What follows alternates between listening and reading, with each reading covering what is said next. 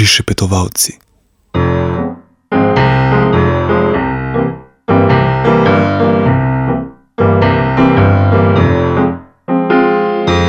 Želim živeti brez skrbi in tu jaz tiskam me ne briga.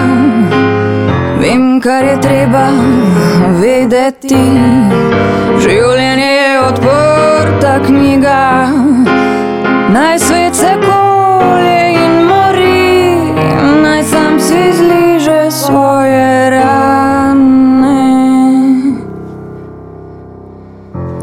Nič več ne maram slišati, ne kvarite mi kembane. Največ je vreden mir, največ je vreden mir.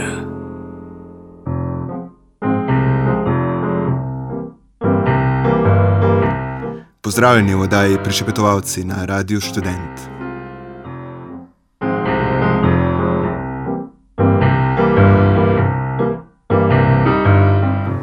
Ko razmišljamo, kaj tare novo vlado, da ne more zares postati nova vlada, in ob tem malo pozabimo na najbolj očitno možnost, torej da vlada ne more biti nova, ker že v izhodišču ni nova, saj v njej še vedno sedijo ljudje, ki so z vsem srcem glasovali za ZUJF, bomo našli še dva možna odgovora, še dva tipa kontinuitete. Prva kontinuiteta je seveda notranje politična. In ta je razmeroma zabavna in celo potencialno obetavna. Če se je dolgo zdelo, da je Zoran Jankovič le instrument stricev iz ozadja, se zdaj, ko se je ravno na dan, ko Alenka Bratušek odide v Bruselj, na velika vrata pojavi v parlamentu, vse bolj kaže, da on sam je ali bi vsaj želel biti stric. A seveda, ta novi tip strica ne deluje več v ozadju. Ni več nekdo, ki bi ga morali šele odkriti v temačnih bifejih in slaščičarnah, temveč stric, ki se prostodušno kaže. Jaz sem stric, jaz sem boter, no, striček, boterček, morda celo ločeni očka, ki svoje otroke v parlamentu pač samo obišče, jih pač samo pozdravi. In kdaj, povejte, kdaj bi bilo otroke primirneje obiskati kot takrat, ko njihova nova mamica odide na službeno pot v Bruselj? Že res, da zlobni vaščani sumijo, da sem jih prišel nagovarjati, da mamica ni čisto pri sebi. Že res, da sem se otrokom na ločitveni medijaciji prostovoljno odrekel, pa vendar, kri ni voda, jaz sem jih rodil in včasih jim pa menda lahko dam kakšen nasvet. Naj vedo, odkot prihajajo in kdo jim je uredil službo. In to naj vedo tudi vaščani. Bodimo pač iskreni in se nehajmo pretvarjati. Ti otroci bodo vedno moji otroci in tudi mamica, če smo čisto iskreni, je v strogem smislu samo moj otrok.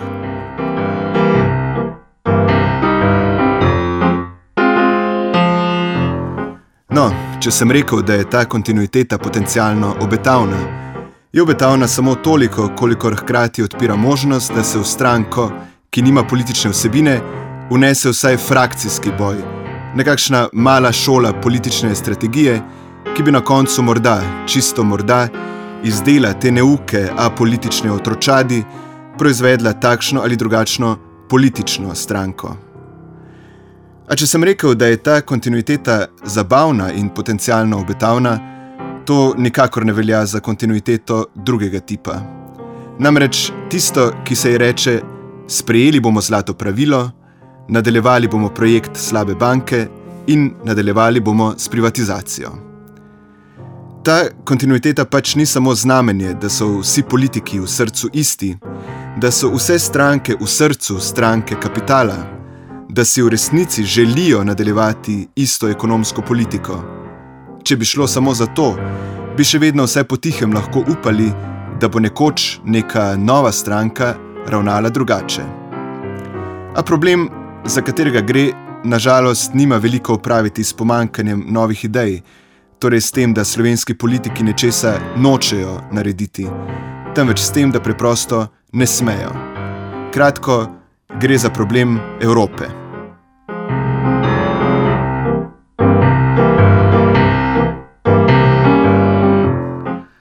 Moralistični komentatorji danes, ko gre za uveljavitev fiskalnega pravila, zagovarjajo naslednjo tezo.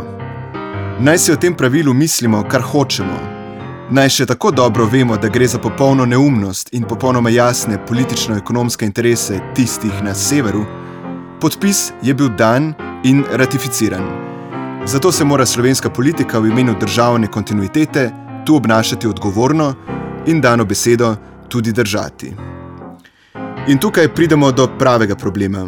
Do problema, ki sicer ni enostavno rešljiv, a zato ni nič manj problem. Zakaj gre? Vsi vemo, da je fiskalno pravilo sestavni del natanko določene politične in ekonomske doktrine, ki sama po sebi nima nič opraviti z državo, ki sama po sebi nima nobene nujne zveze z državo, pa vendar velja, da si država, ki pod takšno odločitev prispeva svoj podpis, svoje strinjanje, preprosto ne sme premisliti. Recimo, če je v času podpisovanja pakta v določeni državi na oblasti politika, ki se s takšno odločitvijo ne strinja, je to sprva sicer šokantno, nezaželeno in protievropsko. A država ima pravico tega ne narediti. A kasneje je prepozno pa naj na oblast pride še tako ekstremna levica. Država, pravijo, je podpisala in država se mora dane besede držati.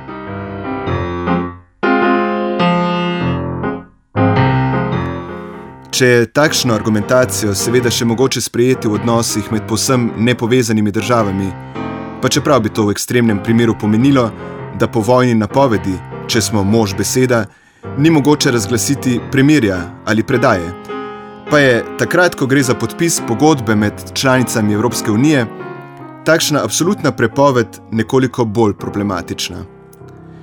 Evropska unija si pač noče priznati, da je v svoji osnovi popolnoma nov tip politične tvorbe. Kot taka pa bi zahtevala resen in posem konceptualen premislek, posem nov tip organizacije, posem nov tip razmerja med meddržavnimi odnosi in panevropsko politiko kot tako.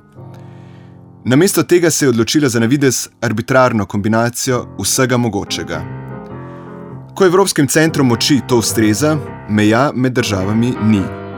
Vsi moramo sprejeti iste direktive, vsi moramo kaditi cigarete, ki se ugašajo same, vsi moramo uporabljati vžigalnike z varovalom, vsi moramo na zadnje nehati kaditi.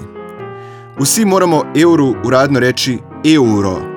Na evropskih razpisih šteje samo odličnost in kvaliteta predloga, pa čeprav ne mislimo vsi po istem idiotskem kalupu.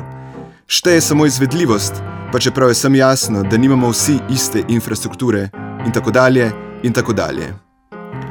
Ako jim to ne ustreza, ko gre za politične odločitve, ki še niso postale tako samoumevne, ko gre za smernice, ki se šele morajo oblikovati in jih nismo podedovali samim vstopom v to ljubeznivo bando, je najbolj pripravno odmisliti, da sploh živimo v isti meddržavni skupnosti.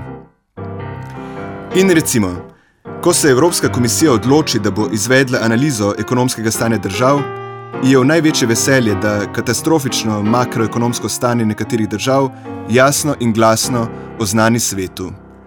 Poslušajte, finančni trgi, Slovenija in Španija sta popolnoma v pizdi. Če jim boste sploh kaj posodili, in posodite čim draže, čim bolj jih še bolj zadolžite. Mi sami, oh, mi sami pač ne moremo narediti ničesar. Mi lahko pomagamo samo v tisti formi, ki se ji reče pomoč. In seveda, bolj ko jih boste zadolžili, bolj jim bomo pomagali in vsi bodo na koncu srečni. Saj veste, kaj pravi zlato pravilo etike iz Evangelija po Mateju. Vse, kar hočete, da bi ljudje storili vam, tudi vi storite njim. Le kdo noče, da bi mu drugi pomagali?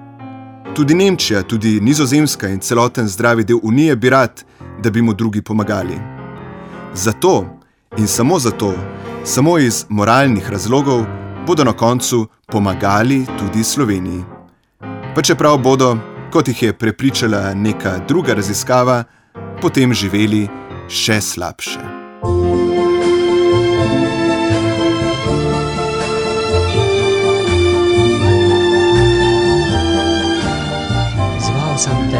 Malena, otišla si. Ni danas ne znam, da li me više nisi voljela ili si samo htjela da te toliko tražim?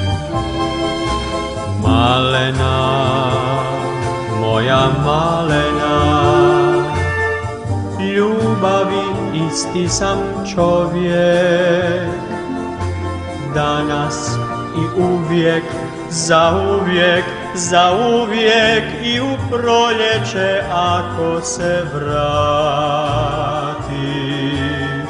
malena, moja malena, ljubavi isto te volim,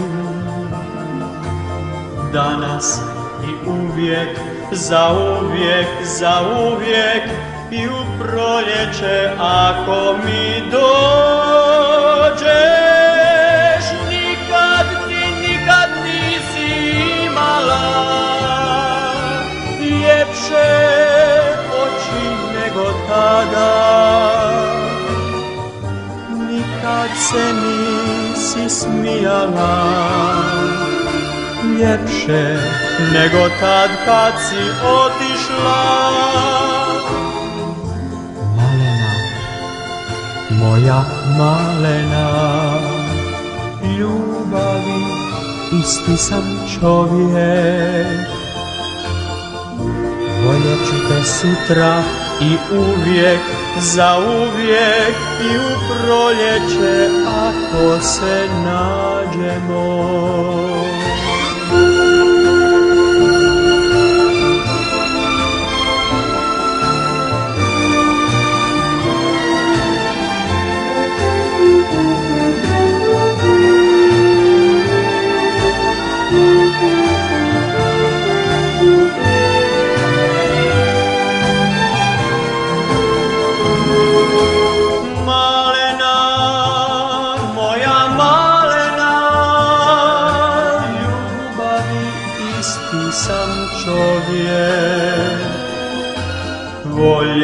Te sutra i uvijek, za uvijek i u proljeće, ako se ponovno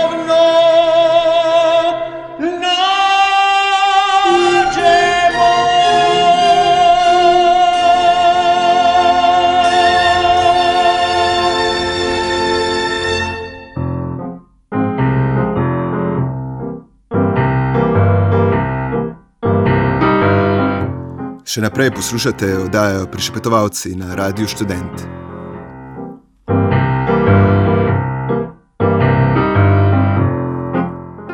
Tako, pred premorom smo se utapljali v evropskih problemih, zato se zdaj vračamo na lokalno raven. Po nekaj mesecih se vračamo v Maribor. A kot boste slišali, se bomo skozi lokalno raven zlagoma vrnili na raven Evrope. Evrope, ki še vedno čaka, da jo zadane mariborski gotovsi. O tem torej, kaj se je v Mariboru spremenilo, kaj se še bo spremenilo in kako se stvari lahko ne bi spremenile, o tem danes v rubriki Monolog filozofinja Karolina Babič.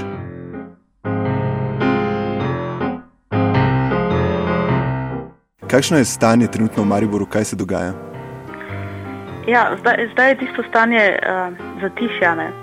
Uh, pač na nek način se mi zdi, da smo ljudje presenečeni, da je nekaj uspelo, se pravi, nekaj se je zgodilo, ne? ampak hkrati pa ne vemo, če se je res kaj zgodilo. Ne? Tako da mislim, da zdaj so ljudje se umaknili tako v eno zatišje, da dajo priložnost neki novi ekipi, ne? ki je pač vseeno se zdaj sestavlja na občini.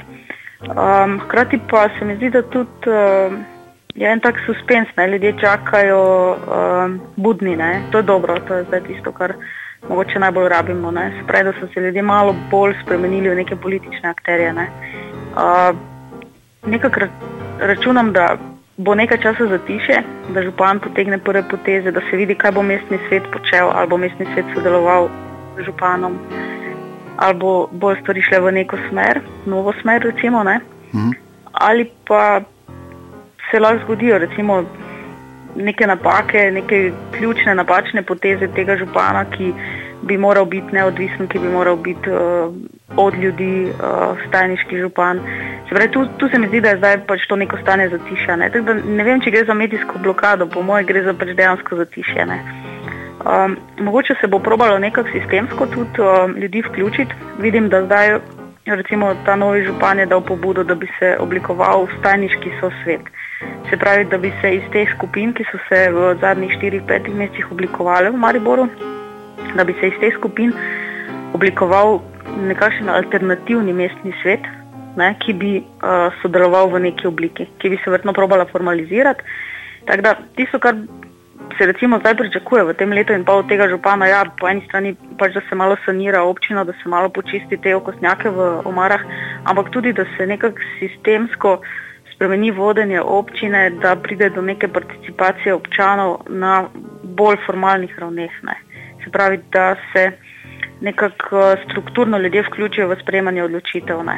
Da je ogromno v teh skupinah, ki so se formirale. Te skupine niso bile samo uh, stajniške v tem smislu, da bi samo organizirali proteste, hodili na proteste, ampak so bile tudi vsebinske skupine, ne. se pravi skupine, ki so začele raziskovati različne participatorne modele. Uh, različne ideje razvijati za razvoj mesta na različnih področjih, od ekonomije, sociale, družbe. Se pravi, so se začele tudi neke vsebinske pobude. Ne? Zdaj, to, kar se mi zdi res mogoče ključno, je, da pride z tem novim županom do stika med uh, temi formalnimi spremembami, ki se morajo zgoditi. Torej, na kak način pač vključiti ljudi v participacijo pri vodenju mesta. In pa hkrati, da se te vsebine, o katerih ljudje ogromno razmišljajo, ljudje, ki imajo dobre ideje, ki razumejo, situacijo mesta, ki vidijo nekakšno prihodnost mesta, da pridejo na, na dan s temi idejami, se pravi, da se začne uh, razvoj mesta nekako graditi iz potreb ljudi. Ne. Zato tudi zdaj recimo ena od skupin tukaj v Mariboru, inicijativa mestnih zborov, organizira te srečanja četrtnih skupnosti, ne. ker se vabi ljudi preprosto po vsaki četrti, v Mariboru je 16 uh, teh mestnih četrti in krajnih skupnosti in v vseh, zdaj se postopno že bo počasi v vseh začelo organizirati te uh, zbore krajanov, ne, kjer pač ljudje potem res iz svojega okolja pridejo ven s problemi. Ne. In želi se spostaviti neka taka pot, kako naj pride od teh parcialnih problemov, ki jih ljudje pač na teh zborih prinesejo ven, kako se naj ti problemi identificirajo, prepoznajo, kateri so tisti skupni problemi in na kak način jih viso skomunicirati naprej ne, do odločevalcev političnih. Ne. Se pravi, spremembe, ki jih mi rabimo, niso samo pač strukturne, da bo se na nek način spostavila neka a, formalna participacija ljudi, ki bodo lahko pristopali k odločanju recimo na občinski ravni, ampak rabimo tudi v ljudeh a, prebuditi to, da bodo čutili ali pa se na nek način, da se ljudje ponovno naučimo prepoznati tiste skupne probleme. Se pravi, a, tisto, kar se tiče nekega ali manjšega okrožja ali mesta kot takega. Ne ker tisto, kar je velika nevarnost vedno na takih zborih, je, da pridejo zelo parcialni problemi ven. Ne, moj pločnik pred mojo hišo je poškodovan ali pa je cesta luknjasta. Ne.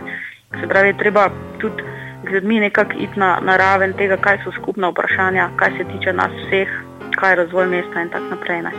In tu mislim, da smo zdaj na eni dobri poti, da se nekam stvari premaknejo. Res pa je, da je veliko odvisno od tega, kaj se bo dogajalo na občini. Uh, odvisno je tudi od tega, ali bo neki feedback, zato ker um, so to gibanje, neko, ki se dogaja, neka politična aktivacija, ki se dogaja, lahko zelo hitro zamre ali pa se spet spremeni v neko dodatno jezo, če bo slab odziv. Ne. Zdaj je tista prava priložnost, ne, da se začne nekaj malo v drugo smer uh, uh, premikati. Ne.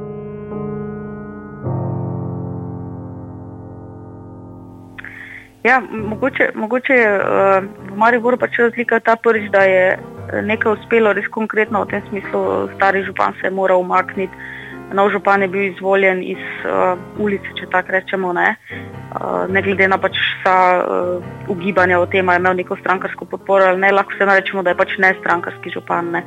In to je neka spodbuda za ljudi. Uh, hkrati pa je. Ker se je verjetno, ker se je tu vse skupaj na nek način začelo, je bilo malo več energije v ljudeh, hkrati je tudi uh, situacija ekonomska, socialna v Mariboru res uh, težka ne? in tudi zgodovina, se vemo, ne? pač po letu 91 Maribor je res slabo odnesel in komaj se je malo pomogel, je spet v pač prilično težkem stanju ne, in mislim, da je to tudi uh, delno razlog. Ne. Ljudje pač preprosto vse tisti, ki so kot tokor aktivni na, na neki družbeni sceni, če tako rečem, pač preprosto več uh, ne vidimo nič druga kot to, da postanemo bolj aktivni. Ne. In za ta aktivnost je pa zares ena taka, lahko rečeš, je zatiše, ampak nekaj, nekaj se dogaja. Ne. Te vsebine, ki se pripravljajo, bojo pa rabile um, hitro nek odziv iz uh, uradnih, ne, političnih krogov, ne, uh, iz občine in tako naprej. Ne. Drugače bo ran tako zamrle. Ne. Zdaj ne vem, na slovenski ravni se dogaja nekaj drugega. Ne. Tam, tam se mi zdi, da se dosti bolj govori o tem, ali se bo formirala neka stranka, ki bo lahko recimo na nekih volitvah, če bodo naslednje leto, če bo prišlo do predčasnih volitev, karkoli, neka stranka, ki bo lahko vstopila v politiko. Ne. Zato, ker se pač ne vidi neke druge opcije.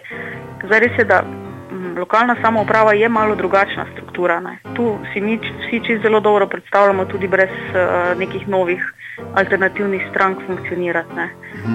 Stvari so pač v, se dogajajo v dosta ožjih krogih, uh, dostop do, uh, do, do političnih struktur v mesto je lažji, ne. vse je pač nek, nek manjši krog uh, aktivnosti. Ne. In, Se mi zdi, da se da brez strank. Je pa res, da se bo hitro drugo leto lahko ta problem tudi v Mariboru pojavil. Uh, volitve lokalne so naslednje leto uh, in takrat bo voljen tudi nov mestni svet. Ne? In takrat bo zelo pomembno, a, ali bodo ta iz teh nekih skupin, ki se formirajo, ideje, ki se pojavljajo, ali bodo se oblikovali tudi neke nove stranke, ne? ki bodo želele iti pač v strukturo občine na ta način ali pa se bo ustrajalo predvsem na, na tej plati kot neke, uh, kako bi rekla, neke, neke paralelne oblasti ne, v mestu. Ker zdaj tisto, kar je ključno tu, je, da obstaja to budno oko mesta. Ne. Ljudje so se tako predramli, da bodo hitro opazili napake. Ne. Če prej pogledamo, šest let je imel Kangler to možnost, da je počel karkoli. Ne. Zdaj, sigurno novi župan ne bo imel niti šest mesecev za to, da dela kakršne koli napake, ker bodo ljudje se že takoj premaknili. Ne. Tako da v tem smislu se na lokalni ravni da tudi brez nekih resnih novih strank, novih alternativnih strank, se da biti aktiven politično. Ne. Jaz nisem pripričana, če se da to na državni ravni. Mm. Spremembe, ki bi jih rabili na državni ravni, da bi lahko neka alternativa vstopila v odločevanje, bi sigurno rab, mo, morali biti res strukturne. Ne. Se pravi, govorimo o kakšni neposredni demokraciji ali kaj podobnega, kar pa pač obstajajo seveda ne, zelo različna mnenja o tem. Jaz sama, če si iskreno, nisem preveč naklonjena m, mm, tej neposredni demokraciji, ampak težko je pa reči, kaj bi, kaj bi bile opcije, ne, da bi se na nek način bolj aktivno vstopilo v, v oblikovanje ne, tudi, pač politik tudi na državni ravni. Ne. Ampak je pa nekaj, kar si moramo vsi priznati, ne, da smo bili ljudje zelo politično apatični. Ne. Tudi tisti, ki smo, ne vem, humanisti, družboslavci, aktivni v nevladništvu. Toliko kot smo v zadnjih letih pač na nek način zaspali, moramo to krivdo tudi pripisati sebi. Ne? Ker sigurno obstajajo načini, da pritiskaš, da vstopaš v odločanje tudi brez neke alternativne politične stranke ali kaj takega. Ne?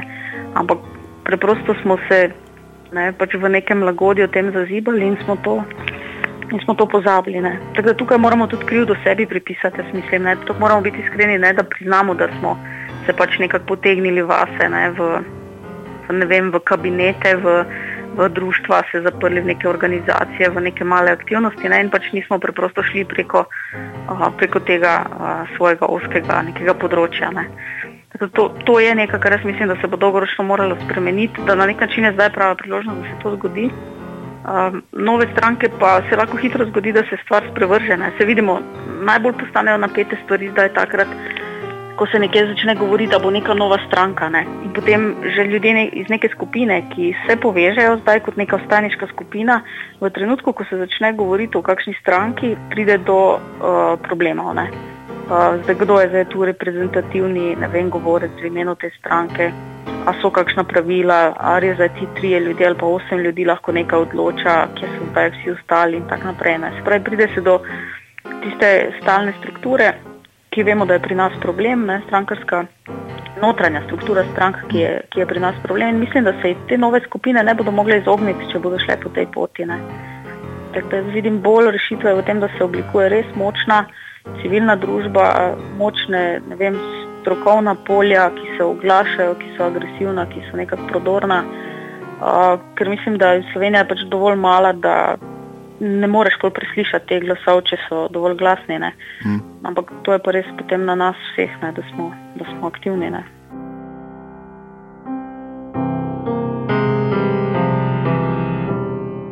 Mislim, stranki se bo zgodila usoda strank, verjetno. To, mislim, tisto, kar je ključno, mogoče kot neka razlika med gibanjem in stranko, je to, da pač gibanje je neke vrste odprto članstvo. Ne. Človek se čuti del gibanja ali pa se ne čuti, ne ravna v skladu s tem ali pa ne. ne. Pri stranki hitro pride do strukture, ne se pravi, imaš članstvo, imaš neke vodstvene organe, strukture, imaš vrednote stranke ali pa nek politični program, ki je lahko na koncu ja se res izkaže, zakaj potem ne trs, če je zgodba zelo podobna. Ne. Uh, kaj potem narobe s trsom? Ne? V bistvu smo ljudje, isti ljudje, ki ki, ki zdaj poskušamo nekako biti aktivni pri stvareh, ki se dogajajo sceni v Sloveniji, smo trs na nek način pozdravili, ko se je pojavil, ne, po svojih vsebinah, po, po nekih idejah, po vrednotah, v katero smer in tako naprej. Tak, ja, ampak, jaz... prosti, ampak mislim, da problem zgleda, kot da je problem v tem, ne, ne samo, da se programsko ponavljajo, kar spoh ne bi bilo tako grozno slabo, ampak ponavljajo se tudi uh, občutek, da dobiš pač v vseh slabostih trsa. Ja, mislim, da neke prave opcije, pri, mislim, ugotavljamo, da neke prave opcije na, na tej strankarski poti pač ni. Ne. In zato se mi zdi, da, da z še eno stranko ne vem, če lahko, ne vem, če lahko mi uh, dosežemo tisto, kar so zdaj nekje v glavah večine ljudi. Eh, neka želja ali pa neke ideje. Ne. Prestrukturirati družbo ne pomeni eh, pač zamenjati oblast. Mm. Mi moramo pač v bistvu spremeniti um, način funkcioniranja oblasti in pa tudi seveda način življenja ljudi ne, in pa politične aktivnosti ljudi kot, kot državljanov, kot prebivalcev. Um, da, jaz si od neke nove stranke kaj dosti ne obetam, ne, ker bo pač probleme, na katere bo naletela. Recimo v Mariboru, kaj dosti z, z dogajanjem formiranja te nove stranke, recimo, ne vemo, ne, ni, ni pravih stikov, ni pravih, um, ne vem, ni, ni videti, da bi kakšna vabila prihajala uh, iz Ljubljane, če tako rečem. Uh uh -huh. Se pravi, ni povezanosti. Ljudje se ni videti, da bi se ljudje čutili, da je zelo to neka vseslovenska stranka. Ne. Spet se zgodi, da postane to neka, recimo, zaprta skupina. Uh, neko žarišče, iz katerega se nekaj poskuša narediti. Mogoče so lahko nameni plemeniti ali karkoli, ne? ampak ne vem, če se bodo ljudje čutili del zgodbe. Ne?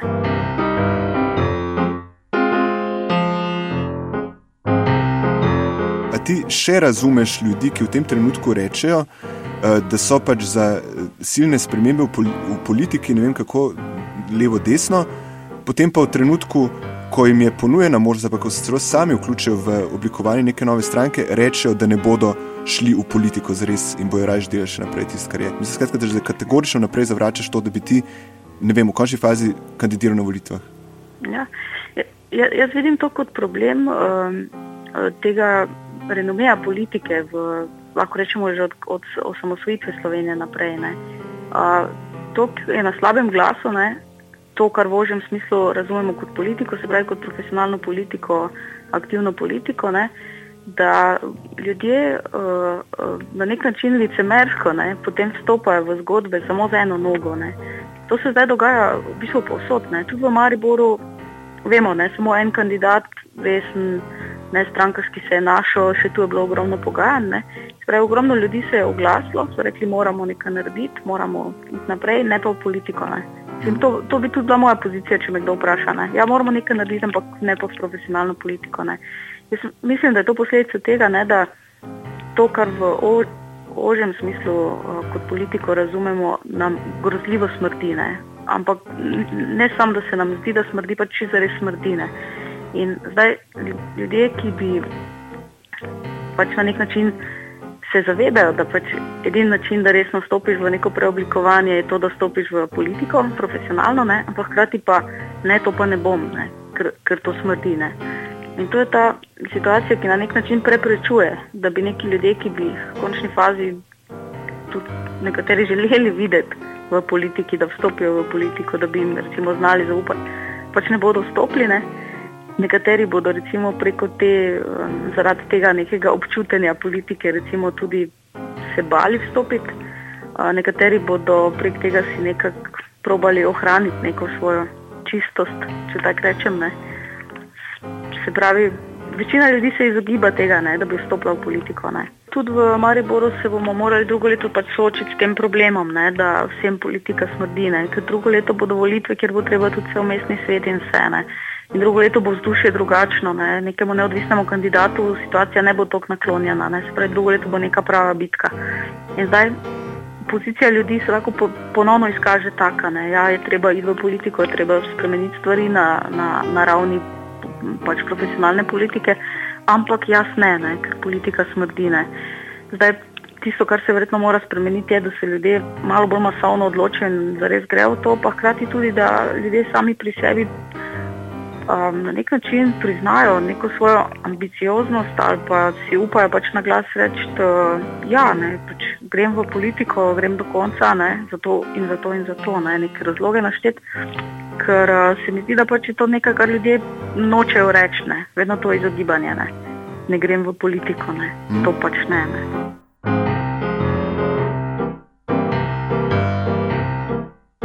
Ma, ne, ne vem, če obstaja kakšna povezava. Pač bilo je bila zelo občutljiva tema, da so se pač te vstaje zgodile, začele dogajati v izteku EPK in da je takrat vodstvo EPK dalo neke take izjave v smislu, da je EPK politično prebudil mesto in to in ljudje so te izjave zelo zamerli. Uh, jaz sem sama pač uh, intenzivno delala na programu Urbanih Brast, pravi na enem od programskih sklopov EPK-ja tako da sem bila pač na nek način zelo notranji sodelavec, ampak kljub temu moram tu ostati pač kritična do, do EPK-ja, da si pač, če si hoče lastiti neke vzgibe, da si mogoče lasti preveč. Um, vstaje, mislim, da so se zgodile predvsej iz drugih razlogov. Um, nabirale, nabiralo se je pač v ljudeh nekaj jeza dosti let uh, in našla se je ena ta neuralgična točka, ti radari, ki so stopili na žul pač čez vsakega posameznika, ki drugače pač ne pogleda preko svoje ograje, pa v tem primeru pač mora pogledati. Ne? In je šlo za eno tako kombinacijo, tako da se take povezave, recimo neposredne, ne bi, ne bi našla. Ne? Mogoče, mogoče edina povezava, ki bi jo našla, ki jo recimo opažam v nekem svojem krogu, dokodar pač jaz z svojim delovanjem, recimo se z ljudmi srečujem, da, da je vsaj v nekaterih um, točkah ali pa kaj prišlo do povezovanja kakih ljudi, ki se prej niso poznali in so se mogoče zdaj malo lažje povezali, srečali. Ne? Ker je vseeno bilo več aktivnosti, recimo nevladne organizacije so v tem letu bile bolj aktivne, upravi je mogoče bil teren te neke alternativne scene, majčkano bolj pripravljen na to, da se malo poveže v nekih stvarih.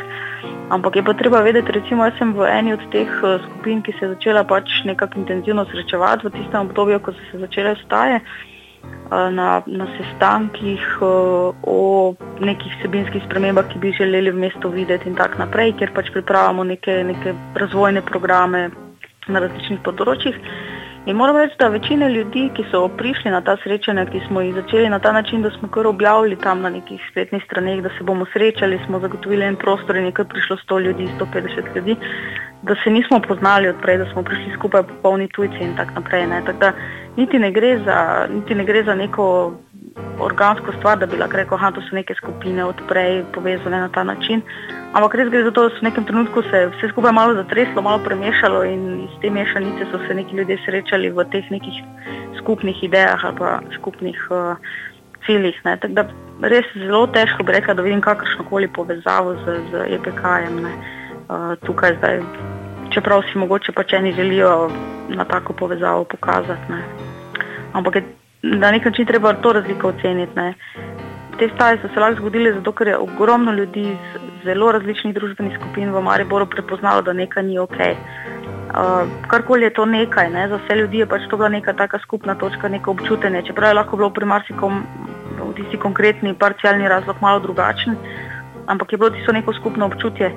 Zdaj, EPK je vseeno uh, v Maribor prinašal tisto neko presežno vrednost za malo bolj izbrano skupino. To je treba vedeti, ne? ker um, vemo, uporabniki, če tako rečem, koristniki kulture v tem ožjem smislu kot umetnosti je, je, je zelo mali odstotek ljudi. Ne? In Maribor je sploh tradicionalno malo bolj, recimo, temu delovsko mesto, spravi malo manj mesto z neko elitno kulturo in tudi EPK z tega vidika pač ni uh, posegel v vse domove mesta, če tako rečem. Uh, zdaj ta naš program Urbane brazde recimo, je bil malo drugače zastavljen. Mi smo delali z kmeti, vrtičkari, šolami, z vrci, otroci, z Romi. Se pravi, smo poskušali malo um, posegati v, v druga polja mesta, kot pa ostali programski sklopi EPK, ki so bili pač bolj strukturirani prav v, v smislu kulture, v ožjem pomenu besede kot umetnosti ne? in smo zato mogoče malo širše polje nagovarjali in tudi zaradi tega mogoče imeli malo več tega odziva od, če tako rečem, tega vsakdanjega uh, življenja v mestu. Um, ampak vseeno bi jaz rekel, da je EPK v premalem, premalem obsegu pač, uh, prinesel neko spremembo v, v, v življenje pač vseh teh 100 tisoč in več ljudi v mestu ne, ali pa v širši okolici Maribora. Tako da te res neke take konkretne povezave, povezave z, z nekim stajniškim duhom jaz, jaz ne bi našla. No.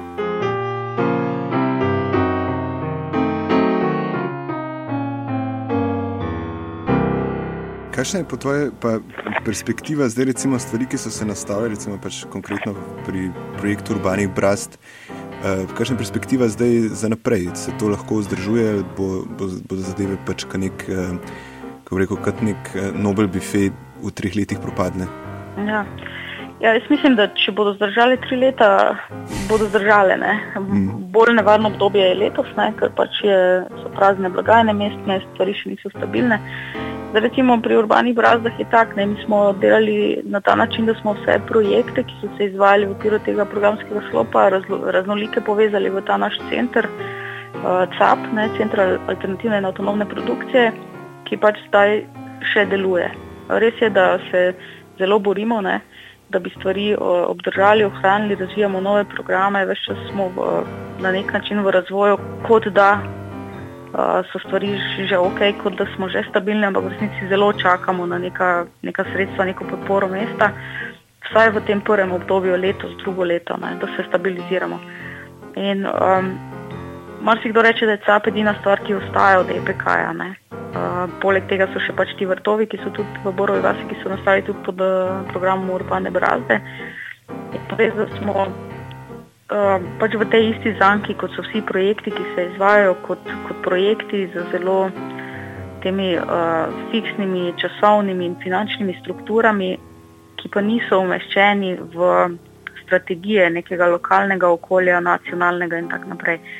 Um, ne vem, 80% vseh evropskih projektov se zaključi, vse razvodeni, nobenih dolgotrajnih učinkov ni. In kljub temu, ne, po vseh teh letih financiranja takih projektov, se še zmeraj financirajo taki projekti in samo od 20% si lahko obetamo neke trajne učinke. Jaz mislim, da je tu nekaj na ravni in Evropske unije, in nacionalnih, in lokalnih odločevalcev, ne, da se um, ta projektna logika na nek način mora spremeniti. Ne, ne sme, uh, nam je zdaj na nek način očitno vsem sprejemljivo, da lahko izvajamo projekte in da lahko zadnji dan projekta rečemo, to pa to denarja smo porabili uporabili smo ga gospodarno, imamo vso dokumentacijo, vse smo dokazali, vse je ok in ga lahko zaključimo, kot da se nič ni zgodilo. Jaz mislim, da tega si z javnim denarjem ne bi smeli dovoliti početi. Ne. Zdaj na kak način najti neko drugo strukturo. Verjetno bi, če recimo tako malo uh, uh, uh, orišem plastično, mogli, mogli nekako iz, iz projektne logike iti na programsko. Ne.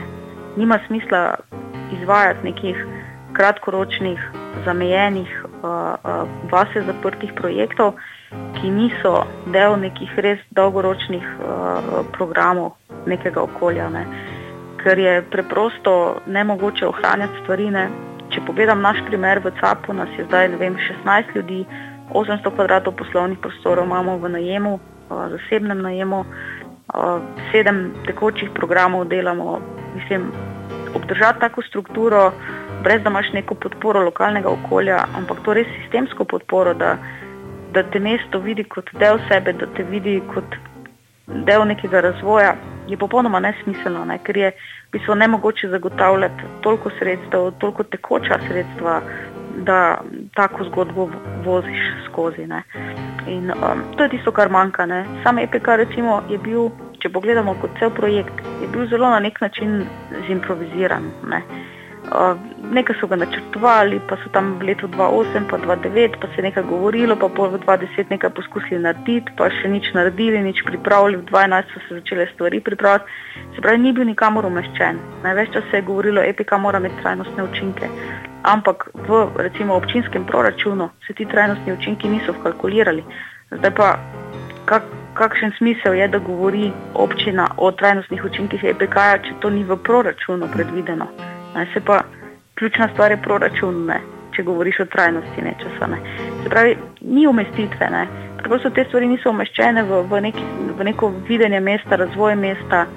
Ali bo ima celo, kar je zanimivo, dobro napisano strategijo do leta 2030. Kar presenetite, da je ta dokument, kolikor toliko, recimo, ne, za take vrste dokumentov, kvaliteten. Ne. Ampak stvari se ne uresničujejo, nišče tega ne upošteva, ad hoc politike imamo, ne, se pravi, na kak način se planirajo vem, sredstva in tako naprej. In to je tisto težava. Ne. Pravi, mi vsi pristajamo na to projektno logiko. Ne. Dobiš nekaj, nekaj sredstva, neko leto, dve, nekaj izvajaš, ne veš, kaj bo potem, najverjetneje ne bo nič. In tu je ena res strukturna sprememba, ki se mora zgoditi eh, ne samo pri nas, pač tudi na ravni Evropske unije. Ne.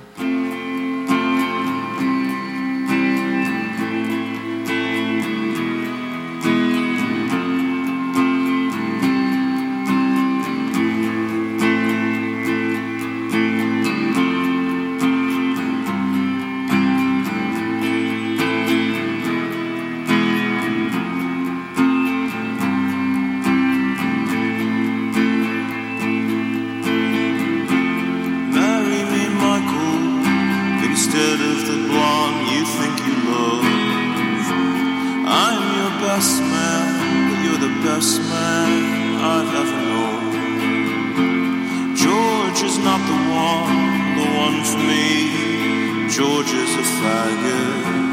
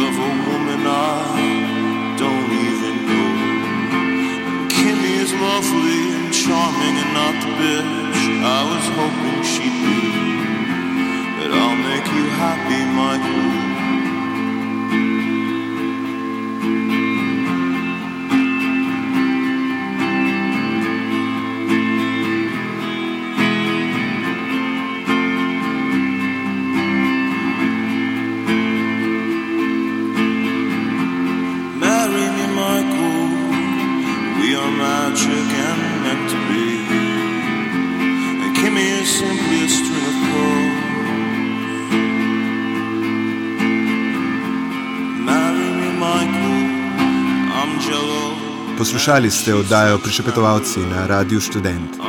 Pripravila so jo Aleš Korpič in tedaj Troha, tehniciral je Jure. Prišepetovalci.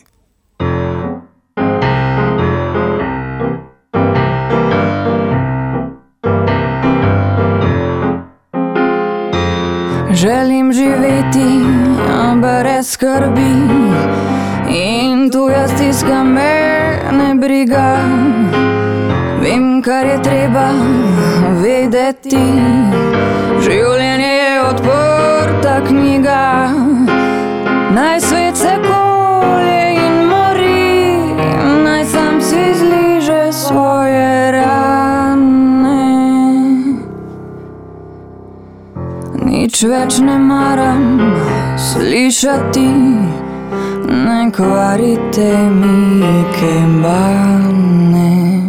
Naj največ je vreden mir, največ je vreden mir.